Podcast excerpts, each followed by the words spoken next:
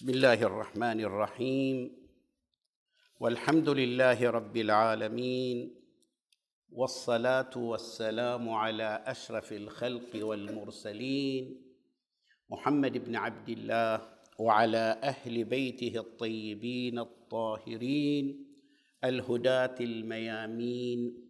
السلام عليكم أيها الإخوة المؤمنون ورحمة الله وبركاته.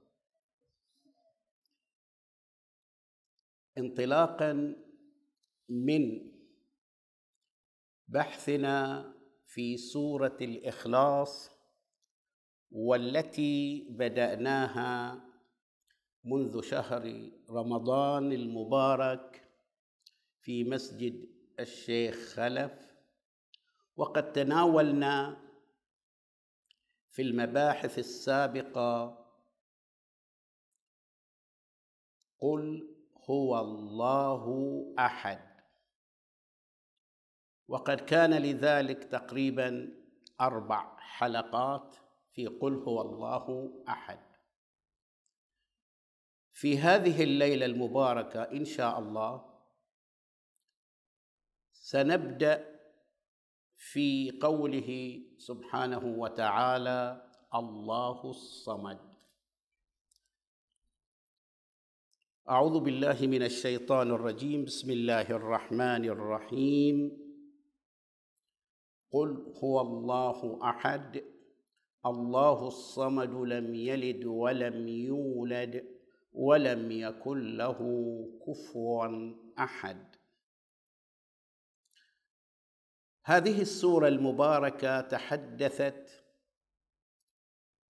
في بدايتها عن نسبة الله سبحانه وتعالى كما أسلفنا سابقا. حيث أن سبب النزول جاء بعض مشركي قريش والبعض يقول بعض النصارى والبعض يقول بعض اليهود.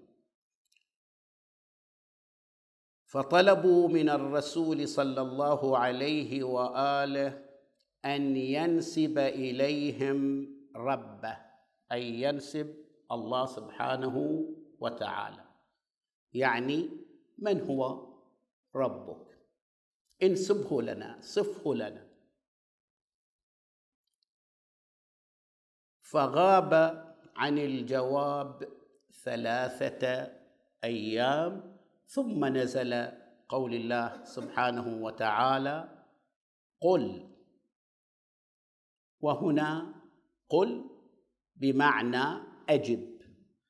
هم سألوك فقل لهم. قل.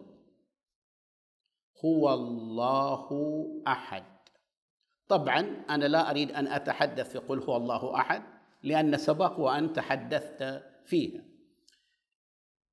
فمجرد يعني إشارة بسيطة قل هو الله أحد الله الصمد لم يلد ولم يولد ولم يكن له كفوا أحد. هذا هو نسب ربي.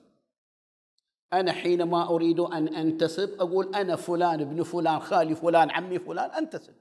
نسب الله قل هو الله أحد. وقلنا أن هو تعني قل هو فيها تدرج. المسألة متدرجة. هو يعني هو الغيب المطلق. لا يمكن للحواس أن تدرك ماهية الله. غيب مطلق لا يعرف من هو إلا هو. يعني لو أردنا أن نعرف هذه الهو لا لا نستطيع. ففي البداية هو يعني غيب مطلق. ثم تأتي الظهور الأول لتبين شوية وتنكشف لنا حقيقة من هو. فقال هو الله. اذا الظهور الأول هو الله. يعني إذا أردنا أن نعرف نسب الله هو. ثم المرتبة الثانية تدرج. الله. الله هو الاسم اللي إيش؟ هو اسم الجامع لجميع صفات الله. الكمالية سواء كان صفات الجمال أو صفات الجلال. أنا أقول رازق خالق مبدع إلى آخره. كل هذه ماذا تجمعهم؟ أي كلمة؟ الله. هو الاسم الجامع لكل صفات الله وأفعال الله وأسماء الله.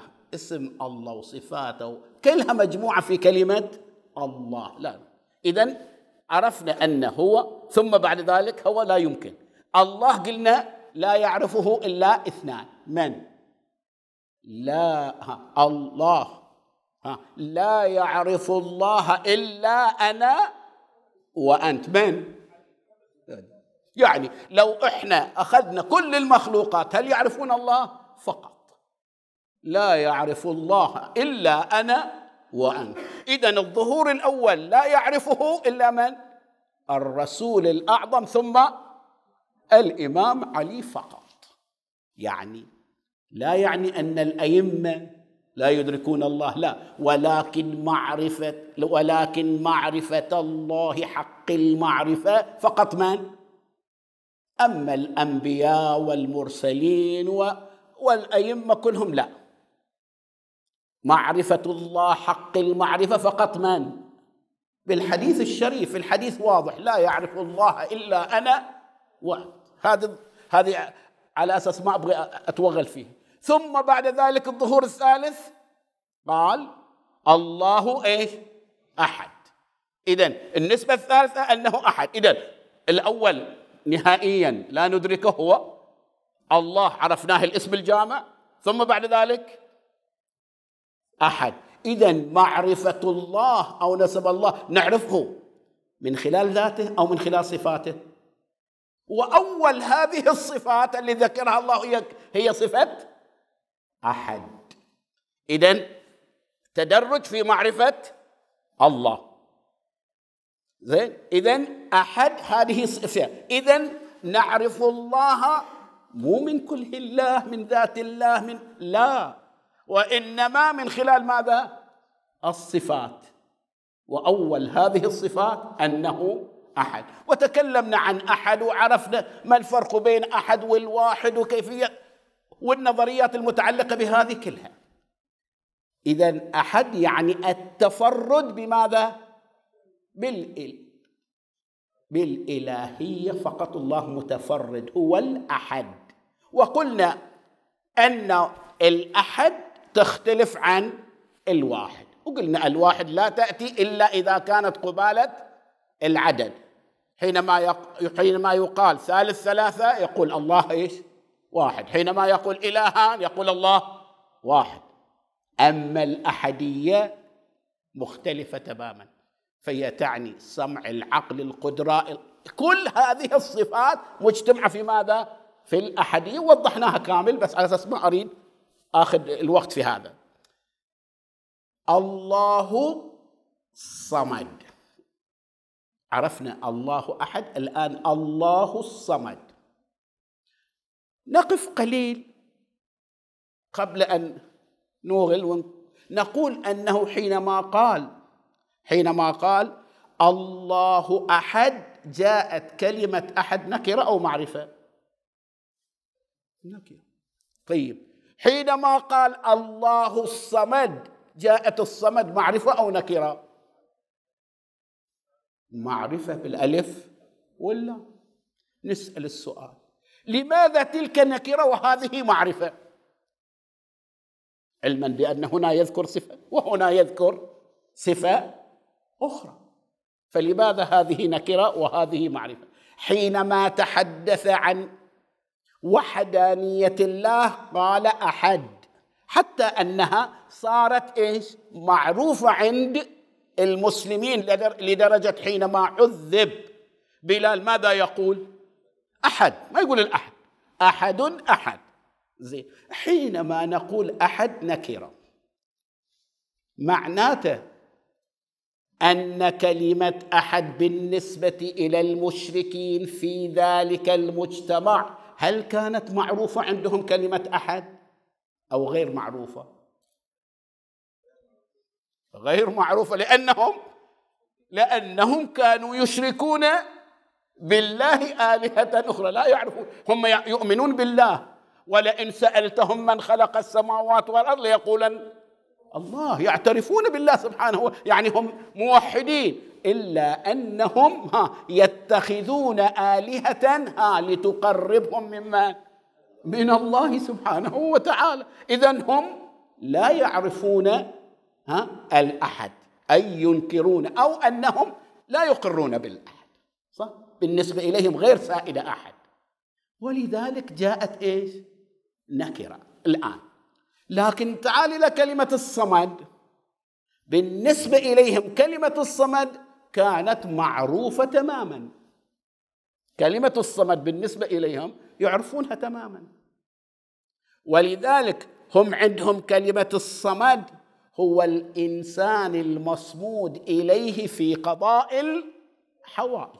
يعني في القبيلة أو في العشيرة أو ما شابه ذلك في واحد ما شاء الله عليه رفيع المستوى يلجؤون إليه أي يصمدون إليه ليقضي حوائجهم ليستعينوا به زين إذا كانت هناك نزاعات إذا كانت فهم عندهم كلمة الصمد بالنسبة إليهم إيش؟ مفهومه طيب حينما تكون كلمة الصمد مفهومة وكلمة الأحد غير معروفة. أنا الآن لو أنا سألت سؤال بسيط وقلت متى متى فتحتم الماتم؟ ما هو الجواب؟ محمد جواد متى فتحتم الماتم؟ ساعة ساعة. تمام. أنا حددت أي ماتم؟ حددت أي ماتم أنا؟ ليش قلت لي الساعة صف على أي أساس؟ ها؟ لأن حينما قلت بالألف واللام المأتم المأتم اللي في أنا إيش؟ اللي أنا وأنت عندنا فكرة عنه ومعروف. صح ولا لا؟ فأنا حينما أقول المأتم على طول ذهنيا المأتم اللي أنا أعرفه وأنت تعرفه. ولذلك هذه ألف واللام يسمونها العهدية. إيش الألف واللام العهدية؟ اللي إحنا على عهد به. أنا هذا الشيء على عهد به. فمجرد أن تقول لي على طول ما أحتاج أفكر ولا يحتاج أسألك. على طول أقول إيه؟ تقصد هذا. أنا أقول لك مثلا دكتور فؤاد رحت الجامعة ما يسألني أي جامعة. على طول يعرف لأن إيش؟ يعرف المقصود مني اللي أقصد أنا أي جامعة. طيب هني حينما قال الله الصمد جاءت معرفة لأن بمجرد أنه عرفها عرفوا المقصود بالصمد لأنهم إيش؟ يعرفونها عندهم فكرة عنه. لذلك جاء بكلمة الصمد إيش؟ معرفة. بينما هناك بالنسبة إليهم آه لم تكن معروفة فكيف يعرفها وهي بالنسبة إليهم مجهولة؟ لا يمكن أن تكون. واضحة الفكرة؟ لماذا نكرة ولماذا معرفة؟ هذه زين. فنقول هنا جاءت نكرة لأنها مجهولة بالنسبة إليهم لا سيما قريش. قريش كانت تعبد الأوثان ومتعددة الآلهة. أي. أما الصمد بالنسبة إليهم معروفة. طيب سؤال. إذا ما فائدة التعريف؟ ما فائدة التعريف في كلمة الصمد؟ فائدة التعريف في كلمة على فكرة نص ساعة اتفقنا لا؟ ما علي حتى لو بخشين رحلة زين؟ على أساس ما نبقى يعني بداية رب إلى اللارب قول لي stop على أساس لا لا ناخذ وقت مع الجماعة. اذا ما فائدة؟ ما فائدة التعريف هنا. لماذا دخلت الألف واللام؟ علما بأنهم معروف عندهم الصمد. هنا الألف واللام كما يقول النحاة تفيد التخصيص والحصر. يعني حينما أقول البطل زيد يعني إيش؟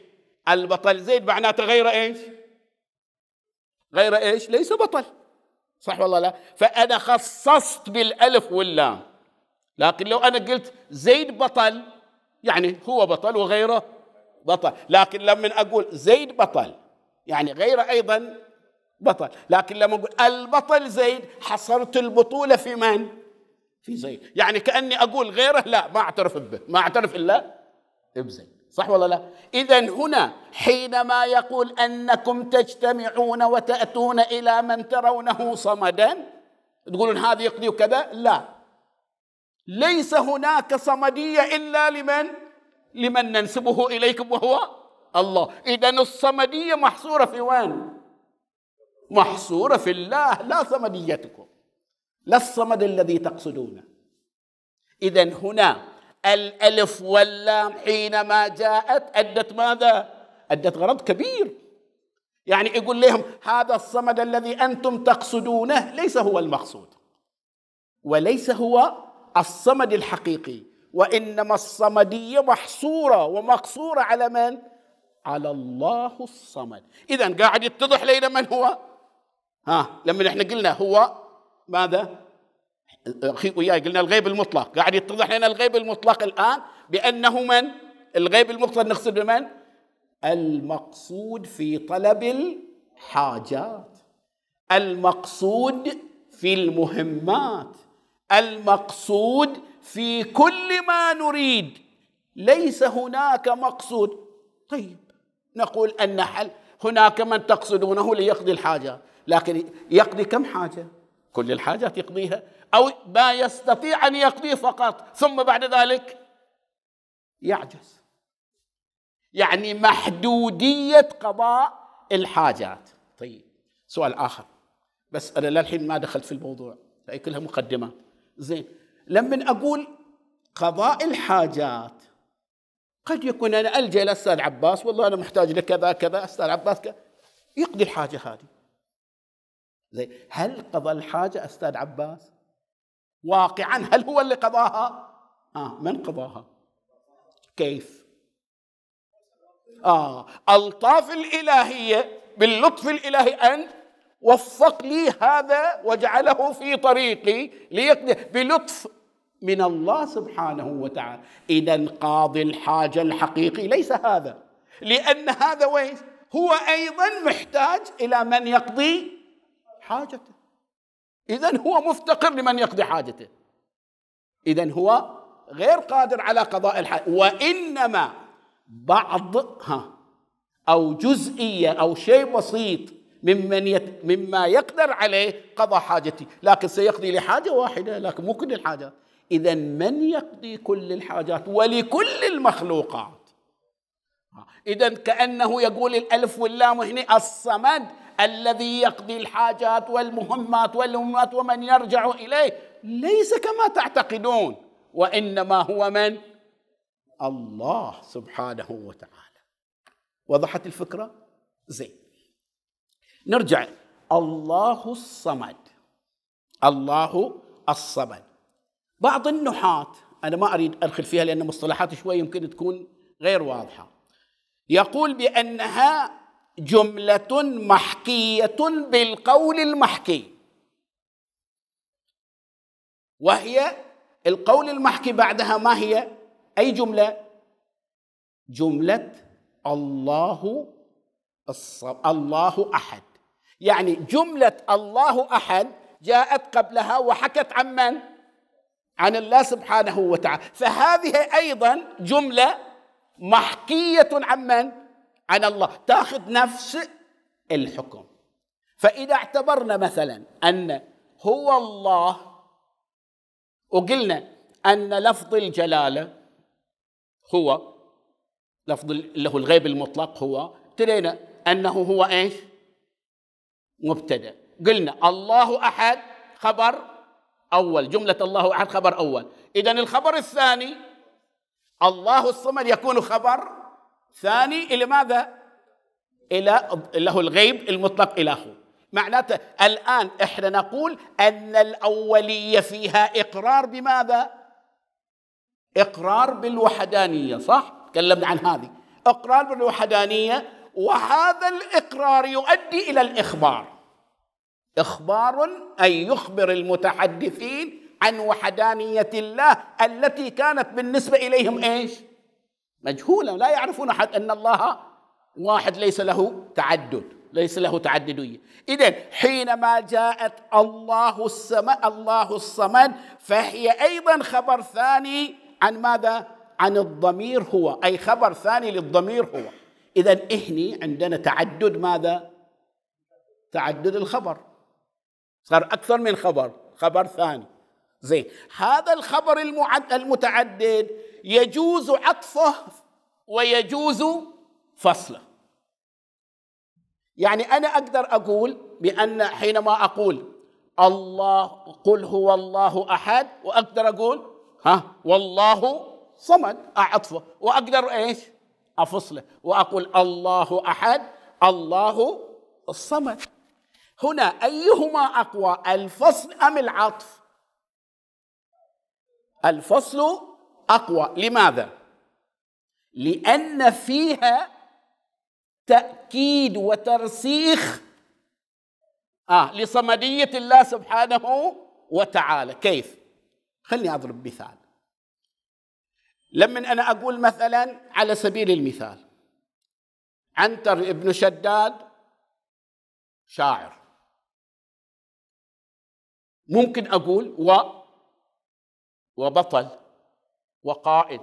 و. صح لا؟ لكن لما أقول عنتر بن شداد شاعر عنتر بن شداد بطل عنتر بن شداد من بني عبس عنتر بن شداد شهم. هني كل ما أقول عنتر بن شداد إيش يطلع لي؟ آه أأكد على إيش؟ على الموصوف اللي أتحدث عنه أأكد عليه واكد على أنه له إيش؟ أهمية. لكن لو أنا قلت شاعر وموصوف و و و صار أقل أو أكثر أهمية. بيكون أقل أهمية مما لو أني فصلت. هاي أنا اللي إحنا نتكلم عليكم كله عن جانب اللغة في الله الصمد. طيب حينما أقول هنا هذه الآية جاءت لماذا؟ جاءت مسوقة يقول النحويون لتلقين السامعين. يعني يقول كأن السامعين ليس لهم ها؟ ليس لهم علم بأن الصمد هو من؟ هو غير الله يعني من يصمدون إليه من يتجهون إليه من يقصدون في قضاء الحاجات هذا لا يقول لهم ليس هذا وإنما المصمود إليه والمقصود في المهمات والحاجات هو من؟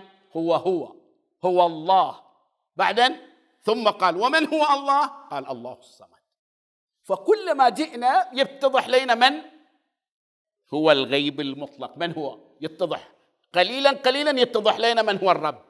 مو إحنا ننسب الرب. ولذلك يقال أن لو لم يكن لهذه السورة فضل إلا كونها نسبة الله سبحانه وتعالى. ولذلك إليها ما إليها من الفضائل. كثير من الفضائل. تقرأها ثلاث مرات كان قرأت القرآن. عموما. إذا عرفنا لماذا عرفت ولماذا الألف واللام شنو دورها في هذا الأمر؟ الآن نقول ما معنى الصمد؟ الصمد جاءت من كلمة في أصل الاشتقاق مشتقة من كلمة صمد. صمد أي معناها إيش؟ قصد. صمد بمعنى قصد وهي على وزن فعل. وتأتي بمعنى المصمود. مثل أقول سلب تأتي بمعنى المسلوب بمعنى اسم مفعول بمعنى اسم المفعول. أي قصد أي صمد بمعنى قصد أي المقصود إليه أو المصمود إليه. المصمود إليه لماذا؟ لقضاء الحوائج في الدعاء في التوسل في في كل الأشياء اللي تخطر على بالك. اذا المعنى الأول أن معنى قصد أو معنى صمد معناها إيش قصد. وهو المعني بالمقصود في الحاجات والمهمات. وليس فوقه أحد يقصد. بعد خلاص. ليس فوقه أحد يقصد. زين. قلنا أن هذا هذا الشيء بالنسبة إلى العرب معروف أو غير معروف؟ معروف. والدليل على أنه معروف. قول شاعرهم علوته بحسام ثم قلت له ثم قلت له خذها حذيف فأنت السيد الصمد. هذا أنت السيد الصمد؟ هذا إحنا قضينا عليه. إذا السيد الصمد كانت بالنسبة إليهم معروفة. وإن يلتقي الحي الجميع يلاقني إلى ذروة البيت الرفيع المصمد. المصمد يعني من الصمد. إذا هذه بالنسبة إليهم عادية حتى في شعرهم موجودة. ولذلك جاء هذا جاء القرآن مخاطب إياهم بماذا؟ بما يفهمونه بما هو موجود عندهم. إذا إحدي نلاحظ أن الصمد قلنا بمعنى قصد المعنى الثاني للصمد كما يقول بعض اللغويين بأنه آه، أستغفر الله ربي إيه الصمد هو الذي ليس له جوف. ليس له جوف. يعني إيش ليس له جوف؟ يعني آه صلب من الصلابة. وكل شيء صلب ليس له جوف أي أنه ليس ليس رخوا. ليس رخوا. يعني ما فيه على اصطلاحنا فتحات زين. حينما يقول الصمد هذه من باب المعنى اللغوي. صمد يعني ليس له جوف. طيب. أي ليس له جوف اذا ليس له بطن. زين. والذي ليس له بطن ها لا يحتاج إلى الأكل ولا يحتاج إلى الشرب. طيب. الأكل والشرب من صفات من؟ من صفات المخلوق. اذا هو منزه ها عن صفات ماذا؟ المخلوقين. اذا هو لا يأكل ولا يشرب ولا ينام. طيب. إحنا نقول إذا كان لا يأكل لا يشرب لا ينام معناته المجسمة قد تقول لا يعني الله جسم بس من نوع ثاني. تقول مو جسم. المجسمين يمكن يشكلون علينا في هذا الشيء لا. يعني هل أظن الله جسم؟ بس جسم هو يقول الله الصمد والصمد من معانيها. الذي ليس له جوف فهو صلب. لا. هل هذا حقيقة يعني؟ هل حقيقة أنه ليس له جوف؟ طبعا هذه حتى من الناحية العلمية لا يمكن أن نقول. ولذلك حينما نقول كل جسم يتكون من ماذا؟ من ذرات. وما والذرات تحتاج إلى إلكترونات وما شابه ذلك يمكن أنتم مال العلوم أحسن مني في هالسالفة فيها صح ولا لا؟ زين وكل ذرة تكون ماذا؟ مجوفة كل ذرة فيها تجويف صح ولا لا؟ بينما الله إيش؟ غير مجوف وبالتالي لا يكون من ضمن ما من ضمن وين؟ الأجسام لأن كل جسم فيه ذرات صح الذره جسم أو غير جسم زين من صفاتها أن تكون وين؟ مجوفة اذا إذا كانت مجوفة بينما الله اذا الله جسم أو غير جسم؟ اذا الله غير ليس ليس مجسما صح ولا لا؟ وبذلك تبطل نظرية المجسمة في هذا الجانب من ناحية أخرى هل أن حينما يقول حينما نقول أن الله سبحانه وتعالى. زين ليس له جوف أي يعني لا يأكل لا يشرب لا ينام ما شابه ذلك. نقول إحنا هل نعني هل نعني أن الله سبحانه وتعالى جسم يعني؟ أو أن إحنا حينما قلنا لا يأكل لا يشرب كناية عن التنزه عن المخلوقات. إحنا نقصد أنه إيش؟ لا يأكل لا يشرب لا كذا على أساس أنها من باب إيش؟ التعبير إيش؟ الكنائي. يعني أنا أكني أنه لا يأكل لا يشرب اذا هو منزه عن المخلوقات. يعني أنا جئت من باب إيش؟ الكناء لا يعني أنا حينما قلت معنى الكلمة معنى كلمة الصمد أنه ليس له جوف هذه من حيث الدلالة اللغوية المعنى. فوين ليش رحت أنت إلى على طول إلى التجسيم؟ إحنا جبناها على أساس أنها إيه كناية عن عدم ها؟ عن عدم الأكل والشرب والنوم والطعام. هي مجرد تعبير إيش؟ كنائي وليس تعبير حقيقي. لا نقصد منه أنه يعني لما نقول ليس له جوف نقصد الله بذاته يعني. لا مو هذا القصد. إحنا نريد ننزه الله سبحانه وتعالى عن المخلوقات ومن صفات المخلوقات الأكل والطعام والشراب والنوم وما شابه ذلك. قلنا أنه ليس له جوف وبالتالي الذي ليس له جوف ليس من المخلوقات. وبالتالي هو من غير المخلوقات. فمن نصمد إليه ليس مخلوق. وطالب أنه ليس مخلوق اذا ليس الذي تعنونه أنتم لأن أنتم من تصمدون إليه. مخلوق أو غير مخلوق؟ اذا الذي نقصده نحن في في الآية أنه آه وبالتالي ليس هو كما أنتم إيش؟ تقصدوا وضحت الفكرة لو بعد أحتاج توضيح أكثر. اذا هذا المعنى الثاني. المعنى الثالث المعنى الثالث إلى هذه بالسريع. الصمد هو الأرض المرتفعة. الأرض المرتفعة أيضا تطلق عليها صمد. وبالتالي هنا نأخذ ولذلك حتى لو شوف أي زجاجة الأول يخلون عليها من فوق نسميه إحنا وين؟ صمان إيه زين صمد هذا نقول عليه صمد إيه ليش سميناه صمد؟ لأنه يقع في المكان المرتفع من ماذا؟ من القارورة أو ما شابه ذلك ولذلك أطلق عليه صمد أي أنه المكان المرتفع اذا حينما نأخذه بالمعنى الثالث فتعني أنه ماذا؟ السامي المرتفع المتعالي الذي لا يصل إلى كنهه أحد من العلو والرفعه والسمو وما شابه ذلك. اذا المعنى الثالث المعنى الثالث تعني الرفع والسمو. لو رجعنا إلى المعنى الأول وهو ما عليه كل المفسرين تقريبا كل المفسرين عليه هذه أنه المقصود المقصود لقضاء الحوائج أسأل سؤال. الظاهر باقي دقيقتين ثلاثة. زين أسأل السؤال الآتي.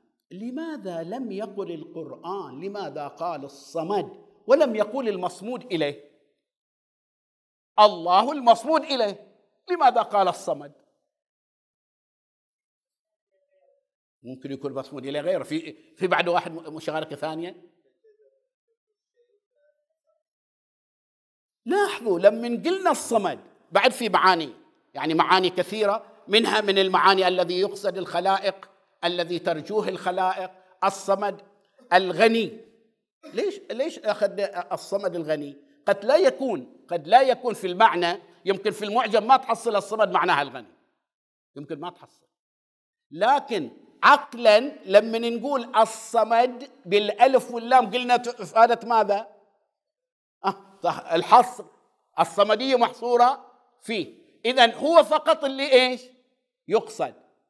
لا غيره. زين. هل هو يقصد أحد؟ ها. إذا هو يترفع عن الآخرين. إذا كان ترفع ولا يحتاج هو إلى الآخرين إذا ماذا نطلق عليه. غني. مستغني عن الآخرين. فيكون بهذا التحليل أنه هو الصمدية تعني إيش؟ الغني. لما نربط هذا بهذا نرجع لسؤالنا. لماذا لم يقل المصمود إليه وقال الصمد؟ حينما نقول لو قال الصمدية لكانت بمعنى واحد. لو قال المصمود إليه يعني المقصود في الحاجات معنى واحد. لكن حينما قال الصمد كم معنى؟ معاني متع... لا أنا اللي ذكرتهم ثلاث. بس في بناخذ إحنا أقوال الأئمة في الصمد كيف يعرفونها بس شوف المعاني اللي ما تخطر على بال. اذا ففي عدة معاني. اذا بتعبير الصمد جمع أكثر من معنى لله. وكل معنى وكل معنى يبرز من هو الله. أما لو كان المصمود إليه لكان اكتفى بماذا؟ بمعنى واحد. ولكن حينما قال الصمد حينما قال الصمد جمع معاني وكلها تعني ها وهي تعني الصمدية لله سبحانه وتعالى. لو في وقت قرأت لك بعض بعض الأقوال للأئمة من هو الصمد؟ بعد نواصل ترى بتملون هذه أول مرة تالي بتقولوا لي خلاص. زين؟ إذا هذه لماذا قال الصمد ولم يقل الصمدية؟ طيب خلينا ناخذ رواية واحدة ونختم الإمام الصادق عليه السلام. ناخذ هذه ونختم خلاص. يعني يمكن خمس دقائق وخلاص. الإمام الصادق يقول جاء وفد. اسمحوا لي بقراها. لأن رواية ما أبغي أقول من عندي وممكن أجيبها بالمعنى بس خليني جاء وفد من أبناء فلسطين إلى الإمام الباقر. الإمام الباقر وش يكون للإمام الصادق؟ أبو. إلى الإمام الباقر فسألوه عن مسائل متعددة فأجاب عنها. ثم سألوه عن الصمد. فماذا قال لهم؟ فقال الصمد خمسة أحرف. خمسة أحرف. الألف دليل على إنيته. إنيته يعني وجوده. الألف دليل على إنيته. جدا الرواية قوية جدا. زين شهد الله. أنه لا إله إلا هو. ثم قال واللام دليل على إلهيته. إنيته أي أنه موجود. ثم قال واللام دليل على إلهيته. أنه هو الله. الذي لاحظ الصفات الذي لا تدركه الحواس. الذي لا تدركه الحواس. زين. والألف واللام والألف واللام مدغمان لا يظهران على اللسان. على اصطلاحنا الألف واللام في الصمد شمسية أو قمرية؟ والشمسيه والشمسيه وش فيها؟ مدغمة أو ظاهرة؟ ها؟ مدغمة يعني لا تظهر في ماذا؟ في النطق. لكن تظهر في ماذا؟ في الكتابة. خلينا نشوف الرواية. زين. مدغمان لا يظهران على اللسان. بعد ولا ولا ينفعان في السمع. حتى في السمع أنا ما أسمعها. اللام ما أسمعها. بعد ويظهران في الكتابة. دليلان. على أن إلهي على أن إلهيته بلطفه خافية. كما اختفت اللام ها الألف واللام وقلنا اللام مختفية. اذا إلهيته أيضا مخفية باختفاء ماذا؟ باختفاء ماذا؟ اللام. باختفاء إلا إذا يقول إلهيته بلطفه خافية. لا تدرك بالحواس. تعجز تتحير. من هو الله تتحير؟ لا تدرك بالحواس ولا تقع في لسان. مثل ما اللام أيضا لا ترفع في السمع ولا في اللسان ما تظهر أيضا إلهيته كذلك. ولا تقع في لسان واصف ولا أذن ولا أذن سامع. بعد لأن تفسير الإله هو الذي أله الخلق عن درك ماهيته. أله الخلق ما معنى كلمة أله؟ أله بمعنى تحير. أله الخلق أي تحير الخلق أو عجز عجز الخلق.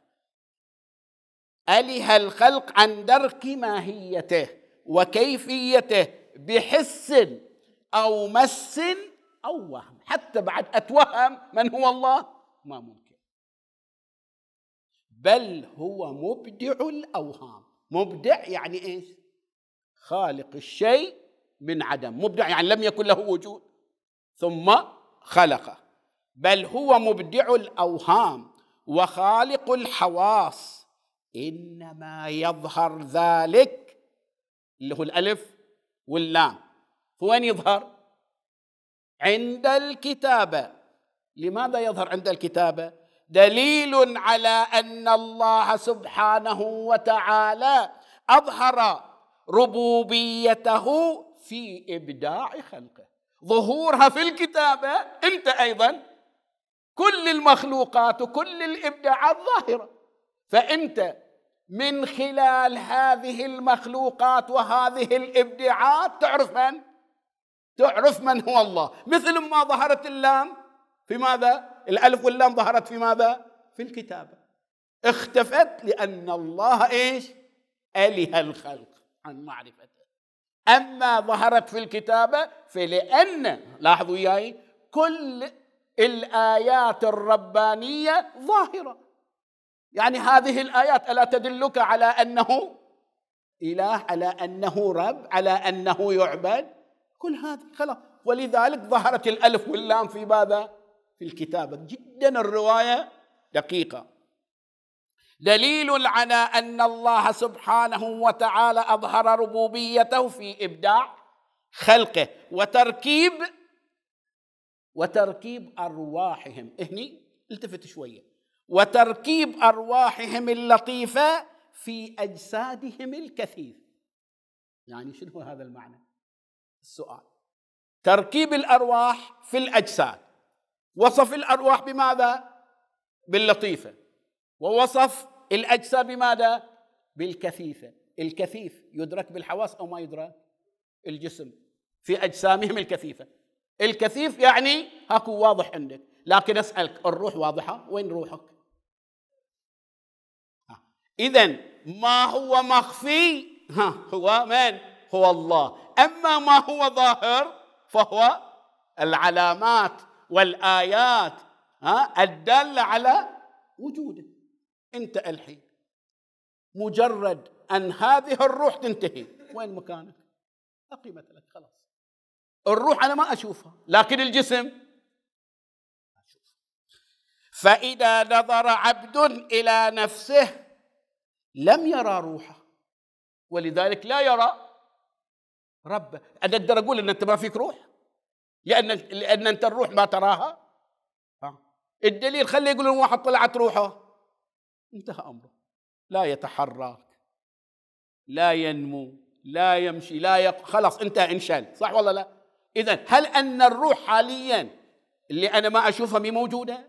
موجودة. إذا إذا الروح موجودة وتؤمن بذلك إذا الله احسنت أنا أنا أرى أن هناك كهرباء من خلال وين؟ الظاهر الإنارة. بينما أنا الكهرباء أشوفها. هذا نفس الشيء. كما أن لام الصمد لا تتبين ولا تدخل في حاسة من الحواس الخمسة فإذا نظر إلى الكتابه ظهر له ما خفي ولطف. أنا أعرف أن اللام هذه هي مخفية لكن متى أعرف وجودها؟ في الكتابه فما خفي عني أصبح الآن بالنسبة إلي وين؟ واضح. لكن لو أنا قلتها شفهيا لا أسمعها ولا أراها لكن لما أكتبها تتضح لي كل شيء. فمتى فما فمتى تفكر العبد في ماهية البارئ وماهيته؟ اله فيه وتحير. ولم تحط فكرته بشيء يتصوره لأنه عز وجل خالق الصور فإذا نظر إلى خلقه ثبت أنه عز وجل خالقهم ومركب أرواح ها ومركب أرواحهم في ماذا؟ في أجسادهم وضحت الرواية؟ أما الصاد خلاص بنقول البقية بنقولها بسريع أما الصاد فهي دليل على أن الله عز وجل صادق وقوله صدق يعني ما قاله سابقا أنه قول ماذا؟ صدق وكلامه صدق. بعد ودعا عباده إلى ماذا؟ إلى اتباع الصدق. بالصدق. ووعد عباده دار الصدق. ووعد عباده ها ووعد عباده. ولم يقل عبده. في فرق بين العبد والع... لما نقول عبيد وعباد في فرق بينهم؟ شنو الفرق بين عباد وعبيد؟ لماذا قال عباد ولم يقل عبيد؟ ها؟ العباد تختلف عن العبيد. العباد تأتي في الجانب الإيجابي. المؤمن. آه. الذي إيش؟ آمن بالله وسمع أما أما العبيد لا. العبيد ها اللهم اجعلنا من ولذلك وإذا سألك عبادي مو عبيدي. وإذا سألك عبادي عني فإني قريب أجيب دعوة الداعي. ومن يدعو الله؟ المخالف. المخالف لله؟ أم المؤمن بالله؟ ولذلك وإذا سألك عبادي إذا صمد عبادي إلى الصمد. الدعوه يعني صمدية. يعني أنا أتجه لمن؟ لله سبحانه وتعالى. ولذلك قال عباد ولم يقل عبيد. زين.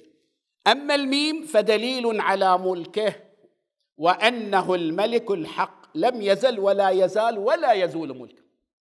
أما الدال فدليل على دوام هذا الملك وأنه دائم عن. ها عن الزوال ما ممكن أن يزول. بل هو عز وجل يكون يكون الكائنات الذي كان بتكوينه كل شيء موجود أو كل شيء كائن. هذه بالنسبة إلى ثم قال الإمام الإمام الباقر نقلا عن الإمام الصادق لو وجدت لعلمي الذي أتاني الله عز وجل جملة أو حملة أستغفر الله لو وجدت لو وجدت لعلمي الذي آتاني الله عز وجل حملة لنشرت التوحيد. اسمع نشرت التوحيد والإسلام والشرائع من كلمة الصمد. كل هذا بينشر التوحيد والشرائع. زين وبينشر الإسلام من كلمة الصمد. لو وجدت حملة لعلمي الذي آتاني الله. وكيف لي بذلك ولم يجد جدي أمير المؤمنين عليه السلام حملة لعلمه؟